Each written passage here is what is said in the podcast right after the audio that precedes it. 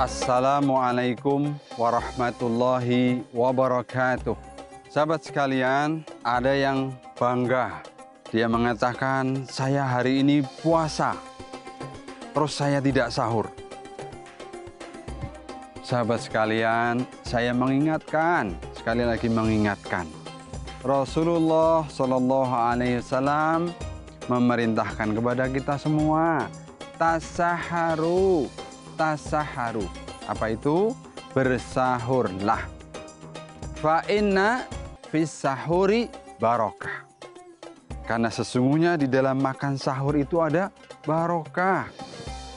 Jadi mohon maaf sahabat sekalian, jangan merasa bangga karena tidak sahur. Rasulullah sudah memerintahkan kok.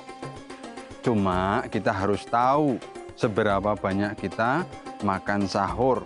Kemudian apa saja yang mesti kita makan.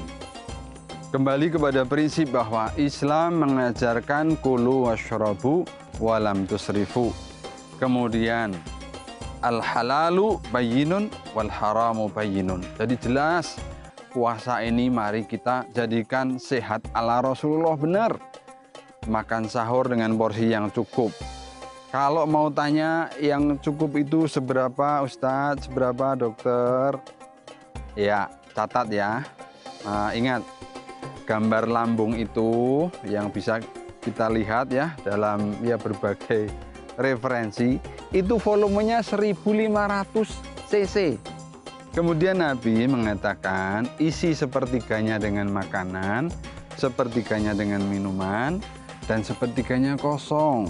Jadi mesti satu porsi makanan apa pun itu ditambah minumannya satu atau dua gelas itu insya Allah cukup. Kenapa? Karena kita sedang puasa. Jadi makan sahur yang cukup. Insya Allah itu barokah dan juga menyehatkan.